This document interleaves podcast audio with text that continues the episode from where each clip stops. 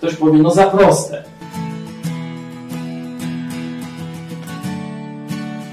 Umysł człowieka jest skomplikowany i dlatego też Bóg nie dałby nam aż tak prostego rozwiązania.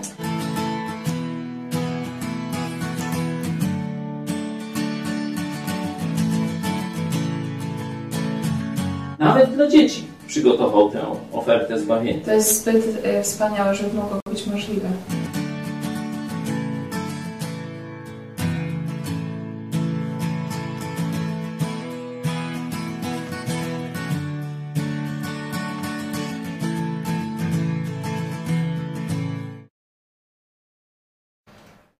Kornelia Chojecka, witam Państwa w telewizji Idź Pod Prąd. To jest program Którędy do Nieba, a my dzisiaj porozmawiamy o Janie Pawle II, bo w poniedziałek była obchodzona setna rocznica urodzin Karola Wojtyły. Zbiegło to się z premierą drugiego filmu braci Sekielskich Zabawa wchowanego. Niewątpliwie w Polsce coś się dzieje w sferze duchowej, o tym dzisiaj, czy Jan Paweł II prowadzi do nieba. Witam serdecznie byłego księdza Jurka. Witamy. Dzień dobry, witam wszystkich serdecznie. Jest z nami oczywiście pastor Paweł Chojecki, szef telewizji Idź Pod Prąd. Witam Ciebie. Witam Ciebie i Państwa. I witamy oczywiście widzów. E, Idź Pod Prąd, witamy Was. Czekamy na Waszą dyskusję, Wasze komentarze teraz na czacie i e, w komentarzach pod tym programem. Podawajcie dalej. Na początek chciałam e, Was zapytać od śmierci. Jana Pawła II minęło już 15 lat, ale dla wielu Polaków jest, jest on wciąż takim głównym duchowym przewodnikiem. Dlaczego tak jest, były ksiądz Jerzy? No, była to niezwykła nobilitacja dla Polaków, kiedy Karol Wojtyła został wybrany papieżem. Był to bardzo długi pontyfikat, 20 ćwierć wieku, mający szczególny taki wymiar, bardzo taki społeczny, wielowarstwowy, polityczny, religijny w Polsce. W Polsce w międzyczasie, pamiętamy, nastąpił zmiana systemu, tak zwane zmiany ustrojowe. No wszystko to, to przebiegało bardzo, tak dawało się we znaki, więc i swego rodzaju był takim, można powiedzieć, w pewnym sensie takim przynajmniej dla znacznej części ludzi, takim ojcem tak był odbierany. Dlatego wciąż jeszcze pamięć jest żywa, zwłaszcza dla starszego pokolenia.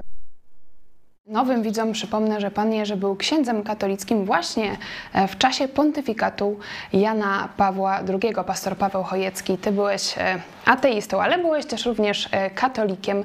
Dlaczego według ciebie Jan Paweł II wciąż jest duchowym przewodnikiem dla Polaków? Na czym polegała jego wyjątkowość? Znaczy myślę, że już nie dla wszystkich, że to wiąże się z tamtym czasem, o którym Jurek mówił. Byliśmy młodzi, to jest pierwsza rzecz i tu pokolenie trochę młodsze od mojego e, i trochę starsze, no to ono będzie pamiętać Jana Pawła II jako czasy swojej młodości. Nie? I to były też czasy rozbudzenia takich wolnościowych oczekiwań w Polsce.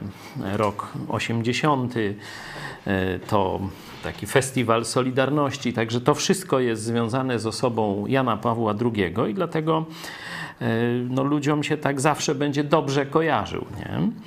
Dalej myślę, że Polacy po takim okresie tego komunizmu, takiego troszeczkę siermiężnego, bez y, takiego jasnego jakiegoś życia duchowego, y, Kościół był, ale wiadomo było, że to coś jest nie tak, tu czekamy na jakąś zmianę. I y, Jan Paweł II dał zmianę. On pokazał, że Kościół może być inny.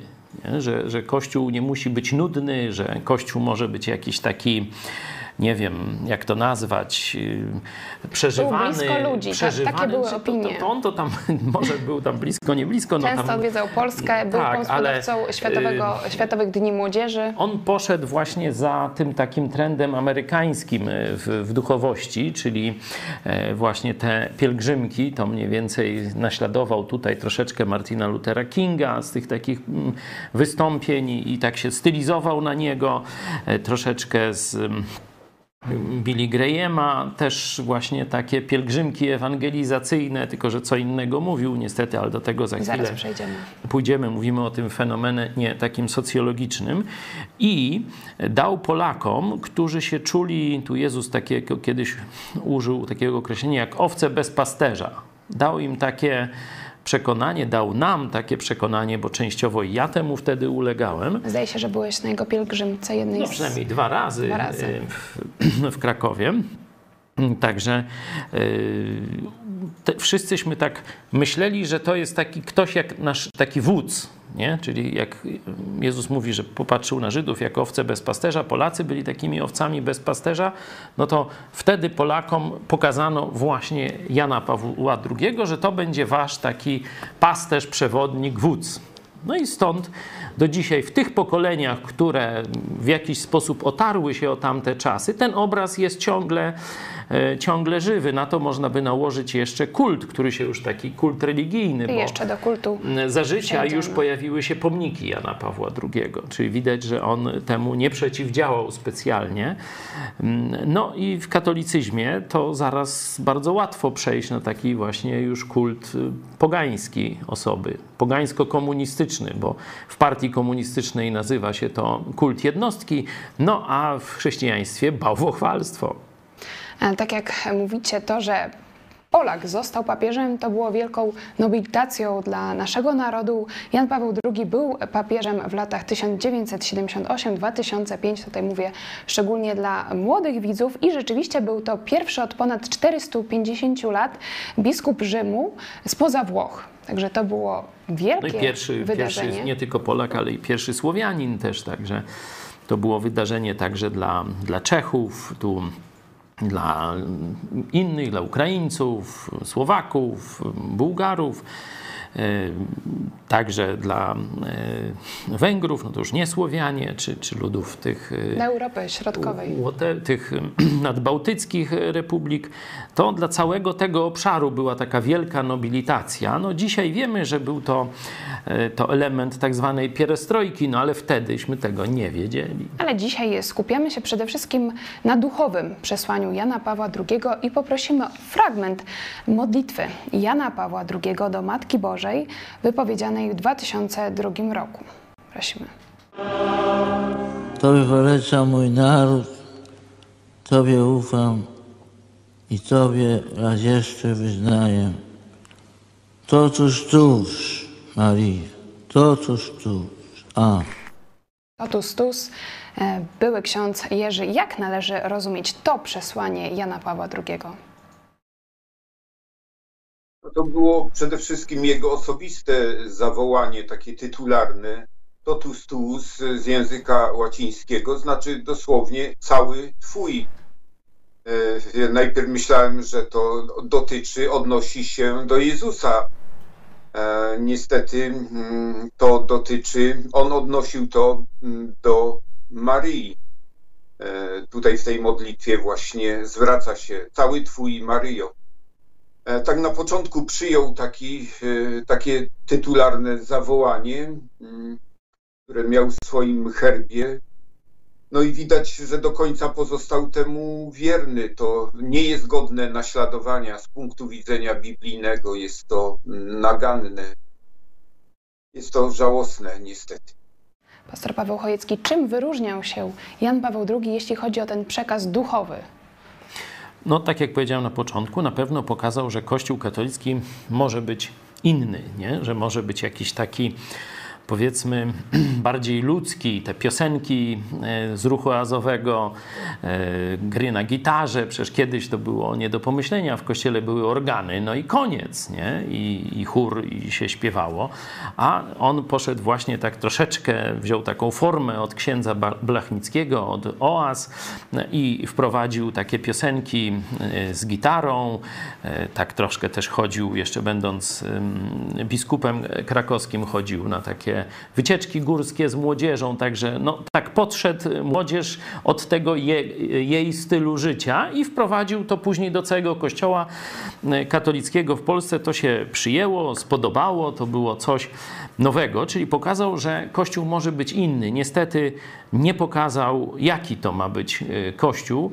E, jeśli chodzi o coś dobrego jeszcze, no to dał, można powiedzieć, działać księdzu Blachnickiemu. To w dużej mierze opieka Jana Pawła II, wcześniej jeszcze kardynała Wojtyły, dała taką dość dużą swobodę działania księdzu Blachnickiemu. I e, często na tych kazaniach w czasie odwiedzin i tych różnych wielkich takich meetingów na Błoniach czy gdzieś indziej, tak kibicowaliśmy, czy on powie Ewangelię. Już jak byłem nawrócony, to e, były późne lata. się w roku 86. E, także wtedy tak pamiętam z, z teściami przed telewizorem siedziałem i tak myśmy mieli taką książeczkę, czy słyszałaś, czy słyszałeś o czterech prawach duchowego życia, nie? No i on tak, o, pierwsze prawo e, powiedział, że Bóg nas kocha, ma dla naszego życia wspaniały plan, nie? Później powiedział rzeczywiście coś o grzechu, że że musimy się poprawić, że wina i tak dalej. No i później mówi, no i tylko przez Chrystusa jest odnowa. Nie mówimy, wow, no to teraz niech powie, że trzeba zawołać do Chrystusa osobiście.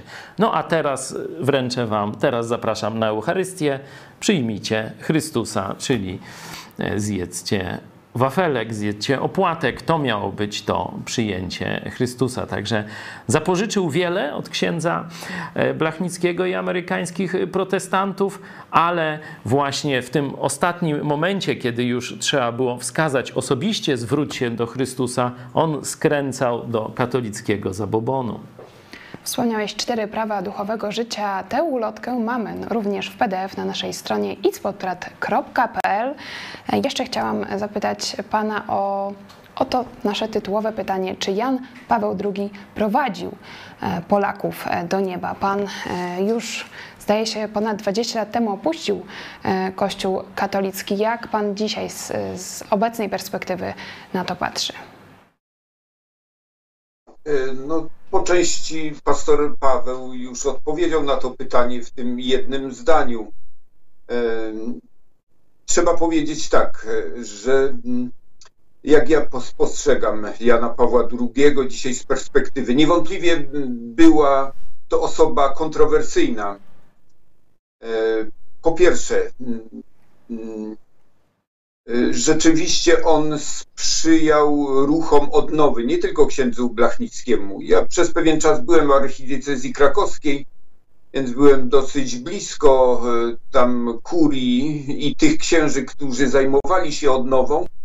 I oni mówili wprost, y, że wtedy dzielili się swoimi trudnościami, kiedy Wojtyła odszedł i przyszedł Macharski no to mówili, że Wojtyła nie tylko dawał im ochronę taką moralną, zwłaszcza Blachnickiego, bronił na forum episkopatu, e, ale też nie szczędził grosza. Czyli był hojny, e, czego nie mogli powiedzieć o następcy, o Macharskim niestety.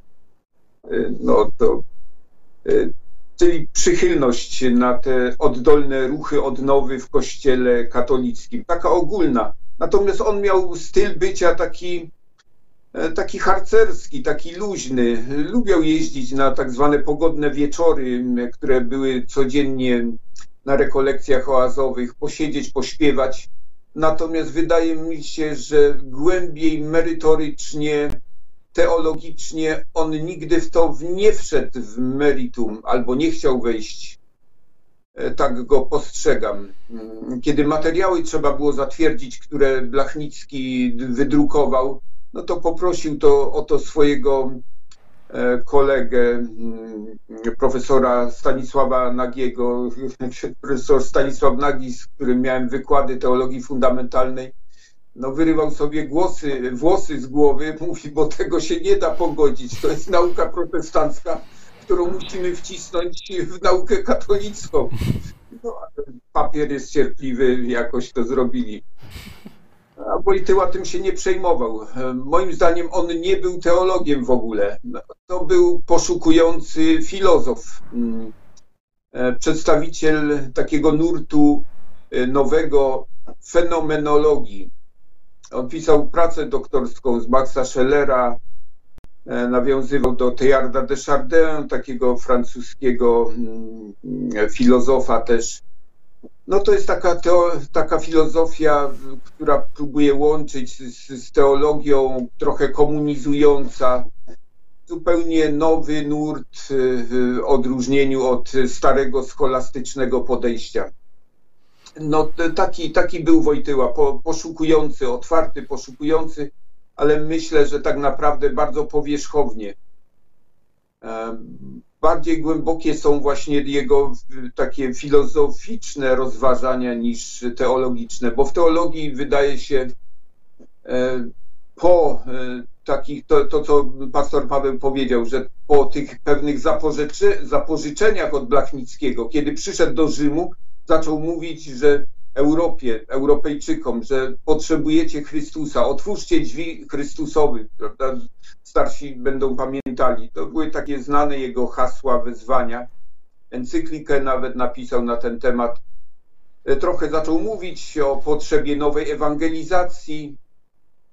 E, no i na tym się skończyło właściwie. Później wrócił do e, jakby do starego, tradycyjnego nurtu do tej teologii scholastycznej Tomasza Zakwinu. E, I resztę potoczyło się już takim utartym zwyczajnie. Jego maryjność dała się we znaki, mnóstwo nabożeństw, no i to otwarcie na, na ekumenizm nie tylko z chrześcijanami, ale właściwie z całym światem, z wszystkimi wyznaniami, to, to była już całkowita porażka. Właśnie Więc chciałam. y, Mhm. trochę ciekawych rzeczy, ale mnóstwo mm, nieciekawych. E, Odnośnie tego, co nowego wniósł Jan Paweł II do Kościoła katolickiego, tu na pewno warto wspomnieć 86 rok i spotkanie w Asyżu z przedstawicielami różnych religii, nie tylko chrześcijańskich. To była wspólna modlitwa o pokój. Dlaczego to wydarzenie jest tak ważne, jeśli patrzymy o taki merytoryczny, teologiczny przekaz Jana Pawła II? Pastor Paweł Chojecki. To było zanega, zanegowanie unikatowości chrześcijaństwa. W tym momencie chrześcijaństwo zostało sprowadzone do jednej z wielu dróg y, do Boga, do jednej z religii światowych. Nie? Y, Wcześniejsi papieże przedsoborowi bardzo mocno jeszcze podkreślali, znaczy to była jeszcze ten, ten element y, biblijny w, w Kościele rzymskim, bo w czasie reformacji stracili Kościół rzymski, stracił główny przekaz chrześcijański, czyli to, że Chrystus umarł za nasze grzechy i każdy może przyjąć od Niego za darmo przez wiarę z łaski usprawiedliwienie, to wtedy na Soborze Trydenckim przeklęto naukę o e, usprawiedliwieniu tylko i wyłącznie z wiary. Można to sobie sprawdzić w dekrecie o usprawiedliwieniu Soboru Trydenckiego, ale jeszcze cały czas e, pokazywano, że Chrystus jest konieczny do zbawienia, że Chrystus jest jedyną drogą do Ojca, nie? że wszystkie inne religie błądzą, a tylko przez Chrystusa można e, wejść do nieba, przyjść do Boga i tak dalej. Oczywiście tam przez czyściec i różne takie rzeczy, no ale że to jest, Chrystus jest konieczny. Jan Paweł II, idąc, można powiedzieć, czy rozwijając myśl Soboru Watykańskiego II, który zaczął twierdzić, że w innych religiach są też te elementy prawdy, poszedł dalej i zrównał wszystkie religie, zapraszając przywódców przeróżnych, dziwacznych, nawet tam jakieś Indianie, to tak jak teraz robi to Franciszek z Pachamamą, no to właśnie to zrobił w tym 86 roku Jan Paweł II. To już nie był ekumenizm, to, e, to, był, to był jakiś taki synkretyzm religijny, czyli że bierzemy wszystkie religie razem i patrzymy, co nam wyjdzie z tego bigosu takiego religijnego. Także to do dzisiaj Kościół e, katolicki już się z tego nie może otrząsnąć. Oczywiście jest spora grupa katolików, którzy się na to nie zgadzają. No to ci, którzy na, na przykład no, wykradli papieżowi Franciszkowi te e, no, paczamamy, figury paczamamy i rzucili to do Tybru, to właśnie ci katolicy się nie zgadzają, ale wiemy, co się stało. E, Papież kazał szukać, wyłowić te figury i ustawił je tam z powrotem gdzieś w tych w ogrodach watykańskich, czy gdzieś jakieś nabożeństwa przebłagalne tam do Paczamamy robił. Także myślę, że tego już się nie da zatrzymać. No i niestety tutaj Polak był tym prekursorem tego zbezczeszczenia Chrystusa i odar odarcia go z majestatu jedynej drogi do Ojca. Myślę, że to jest warte podkreślenia dzisiaj, szczególnie dla tych katolików konserwatywnych, którzy odrzucają to, co robi papież Franciszek, wspomniałeś słynną Paczamamę, ale jeśli patrzymy na Jana Pawła II, widać, że to on był prekursorem tego, między innymi 86 rok i modlitwa mm, w Asyżu. Ja chciałam jeszcze... I jeszcze, bo jakby ktoś powiedział, że to było wyjątkowe wydarzenie, nie, to nie było wyjątkowe wydarzenie. Pamiętam pielgrzymkę mm, papieża mm, do Beninu, afrykański kraj, Dahomey dawny, później Benin. I tam e, on wypowiedział się nawet e, pozytywnie o wyznawcach wudu. Wyobraź sobie, że pochwalił wudu, to jest kult szatański, nie? taki tam wierzący w złe duchy i takie różne rzeczy. No już tam nie miał za co pochwalić tego wudu, no to ich pochwalił za osiągnięcia dla medycyny ludowej. Wyobraźcie sobie, no takie jaja robił Jan Paweł II że wudu nawet chwalił. Tak, no to, to, to wiecie, dzisiaj ja myślę, że wielu katolików o tym nawet nie wie, że on w oficjalnych swoich tych przemowach tam do ludów Afryki yy, pochwalał ten kult wudu. Tutaj mówimy o słowach i działaniach Jana Pawła II, ale drugą sprawą jest kult Jana Pawła II, który w Polsce jednak wciąż jest widoczny. Wspomniałeś o tych pomnikach. E, teraz mamy taką informację, że TVP3 codziennie będzie transmitować koronkę do Miłosierdzia Bożego.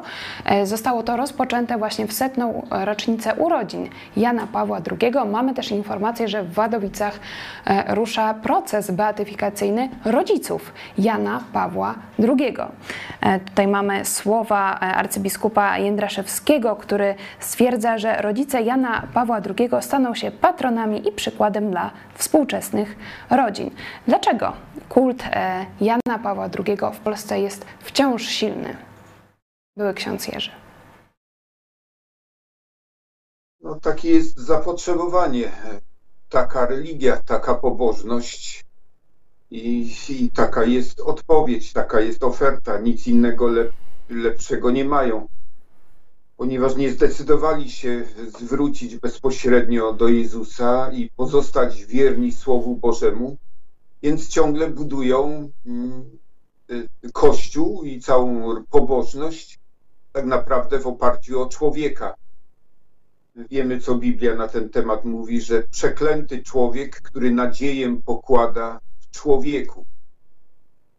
E, I to jest Kościół zbudowany na człowieku. I to Jan Paweł II nie jest wyjątkiem, bo to jest cały, cały ciąg e, tego typu zdarzeń, swego rodzaju konsekwencja. E, dlatego ten Kościół, no, dlatego przeżywa takie wstrząsy i tak głębokie kryzysy ponieważ jednak dysponuje ogromnym majątkiem, znaczeniem, prestiżem, siłą polityczną, dlatego wszystko to się utrzymuje e, mimo kryzysu wiary i kryzysu takiego moralnego.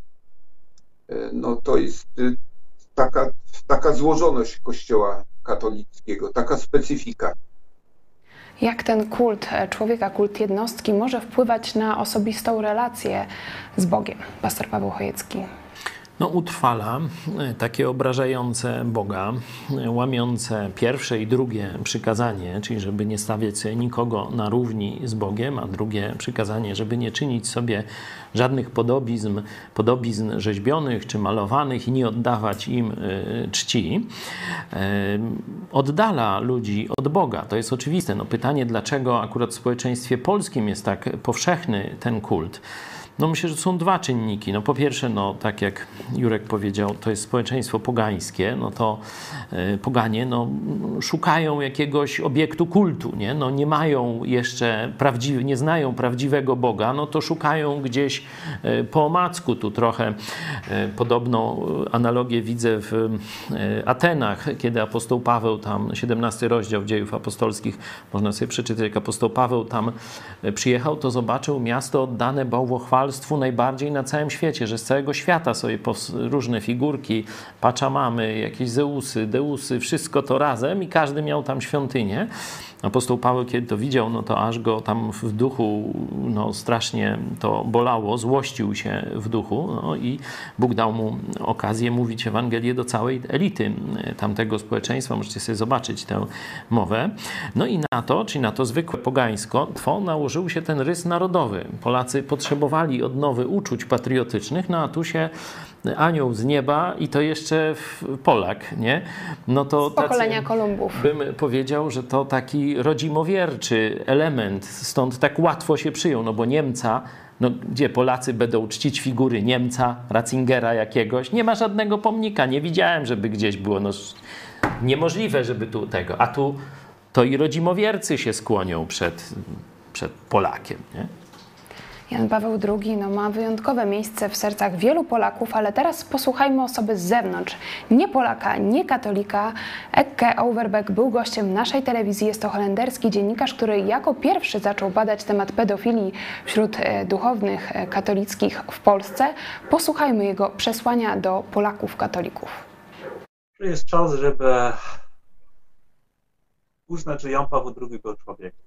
Tak? On nie był nad człowiekiem nawet jeżeli Kościół katolicki jakby, no, dał stempelek, można powiedzieć, święty, są był człowiekiem. Tak? I proszę, dajmy mu też jakby tę możliwość, że po prostu no, błądził, tak? I myślę, że w tej sprawie ostro błądził, tak? I ponosi jakby współodpowiedzialność. I no, bądźmy ludzcy wobec, e, no przede wszystkim e, bądźcie jako katolicy, tak, ludzcy wobec własnego duchownego e, wodza, tak, świętego. Tak. Bądźcie też, dajcie mu jakby bycie człowiekiem, tak, on nie, po prostu on, on błądził w tej prawie, prawie na 100% można powiedzieć, że on, on w tej sprawie po prostu no, popełnił grube, grube błędy i był współodpowiedzialny za, za, za cierpienie. No i moim zdaniem no, należy to po prostu uznać i tyle, tak. Holenderski dziennikarz apeluje do Polaków, żeby traktowali e, swojego duchowego przywódcę jako człowieka, który popełnia błędy, być może się pomylił i to nawet e, w ważnych e, sprawach. Jak myślicie, czy Polacy dzisiaj są w stanie traktować Jana Pawła II jako człowieka, jako omylnego człowieka? Tutaj też mówimy w kontekście filmów braci Sekielskich. Jak wiemy, zapowiada się trzecia, e, trzecia ich produkcja właśnie o Janie Pawle II. Mówiłem dzisiaj w tym programie Pomyśl Dziś o tej walce zabobonu i rozsądku w społeczeństwie polskim. Jest część Polaków, ale myślę, że to jest e, jednak na razie skromna mniejszość, którzy myślą racjonalnie, dokładnie tak jak nasz gość z Holandii no to był człowiek, pewne rzeczy zrobił dobrze, a pewne bardzo źle i trzeba mówić o jednych i o drugich w miarę e, życzliwie, e, pamiętając, że no, każdy z nas popełnia błędy, choć mówię, w przypadku papieża e, wpływ tych błędów jest ogromny. Miał wielką szansę, bo poznał Ewangelię u księdza Blachnickiego i mógł ją, że tak powiem, zanieść do całego kościoła katolickiego. Niestety po tych takich wstępnych dobrze zapowiadających się krokach, o których mówił Jerzy, potem wrócił do takiego zabobonnego katolicyzmu i e, ta druga część Polaków, ta zabobonna, ona całkowicie mm, traktuje mm, Jana Pawła tak porównywalnie do Jezusa, bo zobaczcie, co zrobił Kościół taki, no powiedzmy, kilkaset lat po Chrystusie, że no, czcząc Chrystusa, zaczął też czcić Jego matkę. No bo było tak, no jak jest, Jezus jest Bogiem, no to ta, która Go zrodziła, ona nie może być zwykłą kobietą, nie? Tylko ona musi być święta, nie? No to zaczęto Matka Boska i te sprawy. Zobaczcie, że dokładnie to samo na naszych oczach dzieje się z Janem Pawłem II, że on tutaj następuje jakaś deifikacja Jana Pawła II, bo rodzice jego w ogóle niczym się nie zasłużyli jakimś specjalnym, jeśli chodzi o Kościół, jakiś nie. Ale już pra- Nie wiem, ale pozwól tylko, że dokończę. No i właśnie dlatego, ale twierdzi się, że jeśli Jan Paweł II był Bogiem czy półbogiem, no to jego rodzice no, muszą być kanonizowani. To nie ma, nie ma siły. No. Były ksiądz Jerzy, pan na pewno dobrze rozumie Polaków, dla których wciąż ważny jest Jan Paweł II, którzy traktują go właśnie coś na kształt półboga, na pewno niezwykłego człowieka. Co by się musiało stać, żeby Polacy zaczęli właśnie tak racjonalnie myśleć o Janie Pawle II? Wie pani co, myślę, że ten proces już się rozpoczął. To na naszych oczach. Jeszcze 10 lat temu to było nie do pomyślenia. Y, Myślę, że dużo w świadomości społecznej zmieniły jednak te filmy, które w ostatnim czasie się ukazały. Mam na myśli Claire, no i dwa filmy braci Sekielskich. Y, I zaczyna się dyskusja. Pamiętam, kiedy Jan Paweł II przyjeżdżał do Polski na te pielgrzymki, Michnik wtedy na łamach Gazety Wyborczej, czy też wypowiadając się, próbował em, podjąć jakąś polemikę em, z papieżem, czy też raczej wokół papieża, to, to spełzło na niczym. Został po prostu mm, zrównany z ziemią. Dzisiaj ta dyskusja się toczy. Dzisiaj publicznie już się mówi jednak o zaniedbaniach po prostu na światło dzienne wychodzą fakty z tamtego czasu dotyczące spraw bolesnych, no pedofilii. E, Tutaj mam akurat przed sobą książkę e, w ostatnim czasie napisaną w 2019 roku, ale to przecież sprawa sięga również pontyfikatu Jana Pawła II, czyli o wymiarze no, e, Sodoma Frederica Martela, francuskiego dziennikarza, socjologa, e, pokazuje, jak szerokie to jest zjawisko, zwłaszcza w Watykanie. No to nie zaczęło się wczoraj, przecież te rzeczy, te rzeczy były również za Jana Pawła II, również dzisiaj wiemy na ten temat. A Dzisiaj tylko jest kontynuacja tego, więc e, Jan Paweł II, e, no myślę, to dalej będzie wychodziło, ten proces będzie się rozwijał. Oby jak najwięcej Polaków otrzeźwiało, osobiście zwróciło się do Jezusa Chrystusa, czyli nie pokładało nadziei w człowieku, kimkolwiek byłby ten człowiek, bo taki człowiek jest przeklęty, który próbuje e, zastępować Boga e, e, no, człowiekiem, kultem oddawanym Bogu. No niestety trzeba powiedzieć, że sam Wojtyła przysłużył się temu ta, takiemu, tej, tej atmosferze takiej. On nie przeciwdziałał temu, on był po prostu aktorem, on to, on się realizował w tym, kiedy tłumy wiwatowały e, na jego cześć, kiedy roz, rozlegały się oklaski. No, każdy artysta, każdy aktor, ludzie show biznesu to lubią, to jest ich dziedzina taki był, taka była część osobowości Jana Pawła II. Był filozofem, był aktorem, był politykiem. Również w tej dziedzinie świetnie się realizował. Potrafił się dogadywać z czołowymi postaciami na całym świecie. I ci politycy byli pod wrażeniem jego osobowości. Więc pod tym względem była to wybitna osobowość. Najmniej poza tymi e, pewnymi mm, incydentami czy też przypadkami, gdzie, gdzie przysłużył się sprawie Ewangelii, m, zwłaszcza tutaj w Polsce, no to, to tak naprawdę niewiele dla niej zrobił, e, rzecz ujmując ogólnie.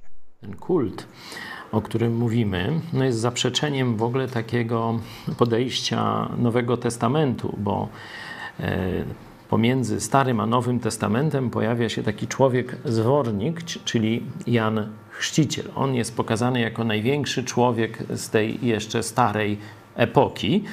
E, Jezus często mu- o nim mówił czy odnosił się, a e, mamy bardzo ciekawe zdanie Jana, e, tego właśnie tak zwanego Jana Chrzciciela. To jest trzeci rozdział Ewangelii Jana, 30 werset, kiedy tłumaczy swoim uczniom, którzy szli za nim. Mówi tak: On, czyli Jezus, musi wzrastać, ja zaś stawać się mniejszym.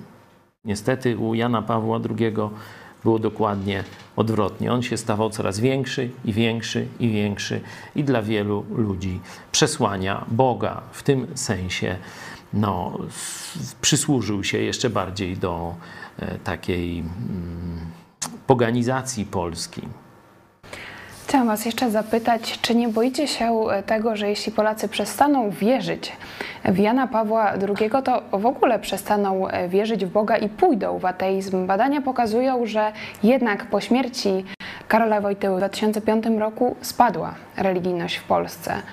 Czy y, nie grozi nam e, w tym momencie taka y, laicyzacja polskiego społeczeństwa? Szczególnie, że wiemy, że te ataki na Jana Pawła II będą się nasilać. Jerzy były ksiądz.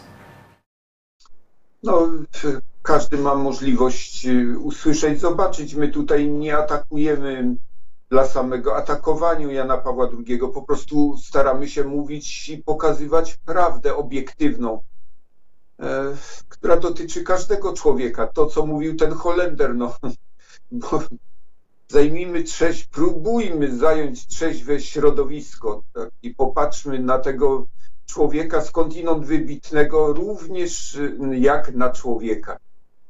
I wtedy wszystko będzie powoli normalne.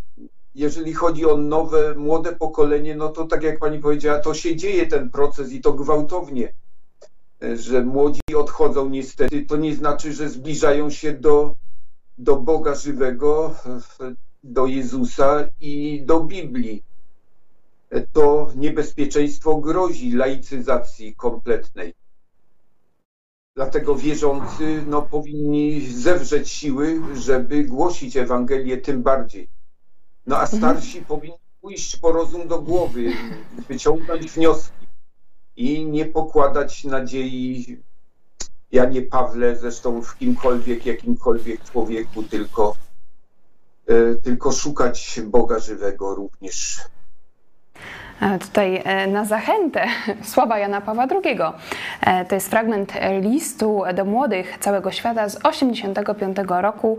Szukajcie tej prawdy tam, gdzie ona rzeczywiście się znajduje. Jeśli trzeba, bądźcie zdecydowani iść pod prąd obiegowych poglądów i rozpropagowanych haseł. Czyli sam Jan Paweł II kazał iść pod prąd i szukać prawdy tam, gdzie ona się znajduje. Może te słowa dzisiaj trafią do katolików, którzy nas oglądają, a tak na zachętę już mamy pierwsze świadectwa nawrócenia.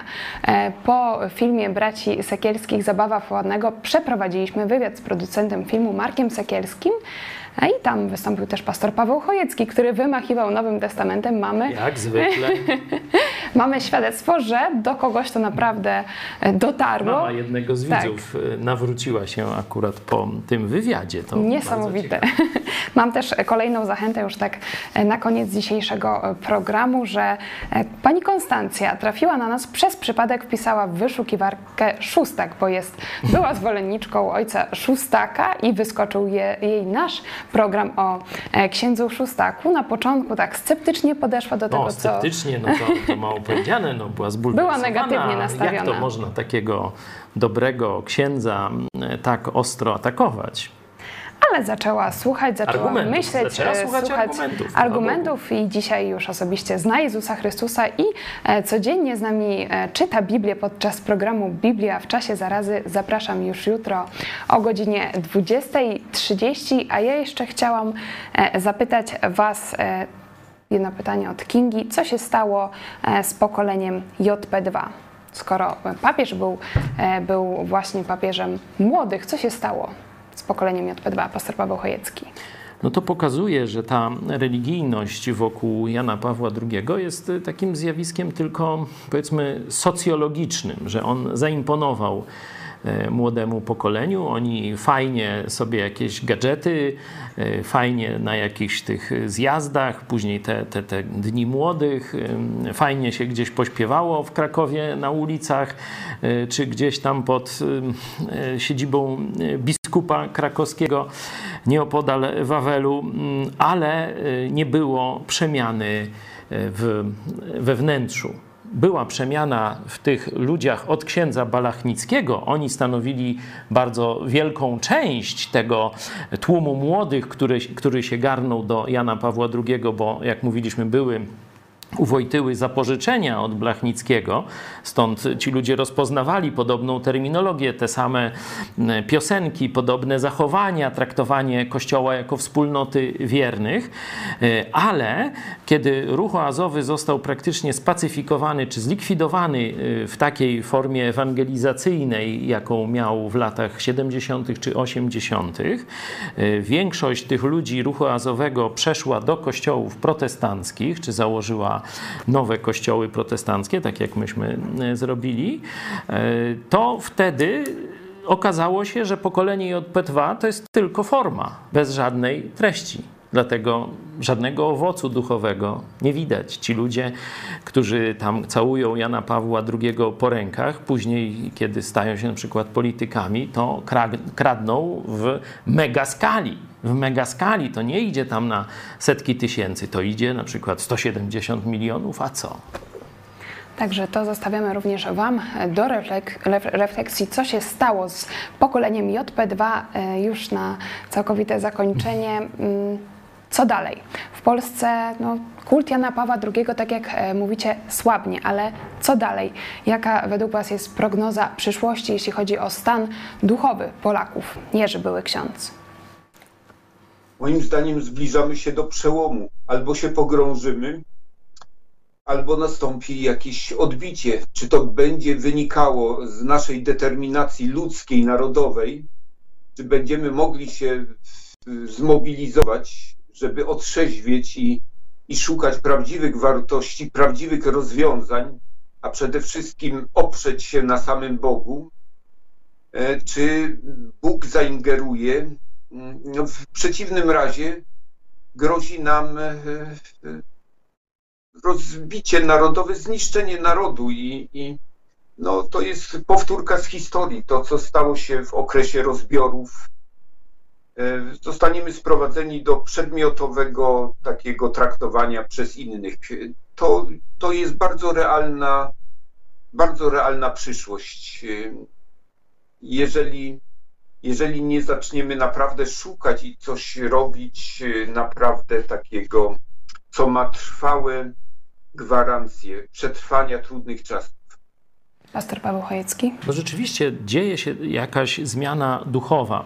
E, zaprosiliśmy e, naszego gościa e, z Holandii, który pokazał stan naszego społeczeństwa z lat 2007-2008, bo on jako pierwszy zrobił film, on rozmawiał z Michnikiem, był jakiś nawet wywiad z nim w Gazecie Wyborczej, ale zobaczcie, cichosza, żadnego rezonansu społecznego. Film Claire, film filmy braci Sekielskich oba. Zobaczcie, tu już jest bardzo wielki rezonans. Także nawet choć wtedy media takie jak Gazeta Wyborcza no, próbowały nagłośnić TVN, tę Onet. książkę mm, e, Ekego, to, e, to się nie udało. Nie było re rezonansu. Nikt nie, nie odpowiedział.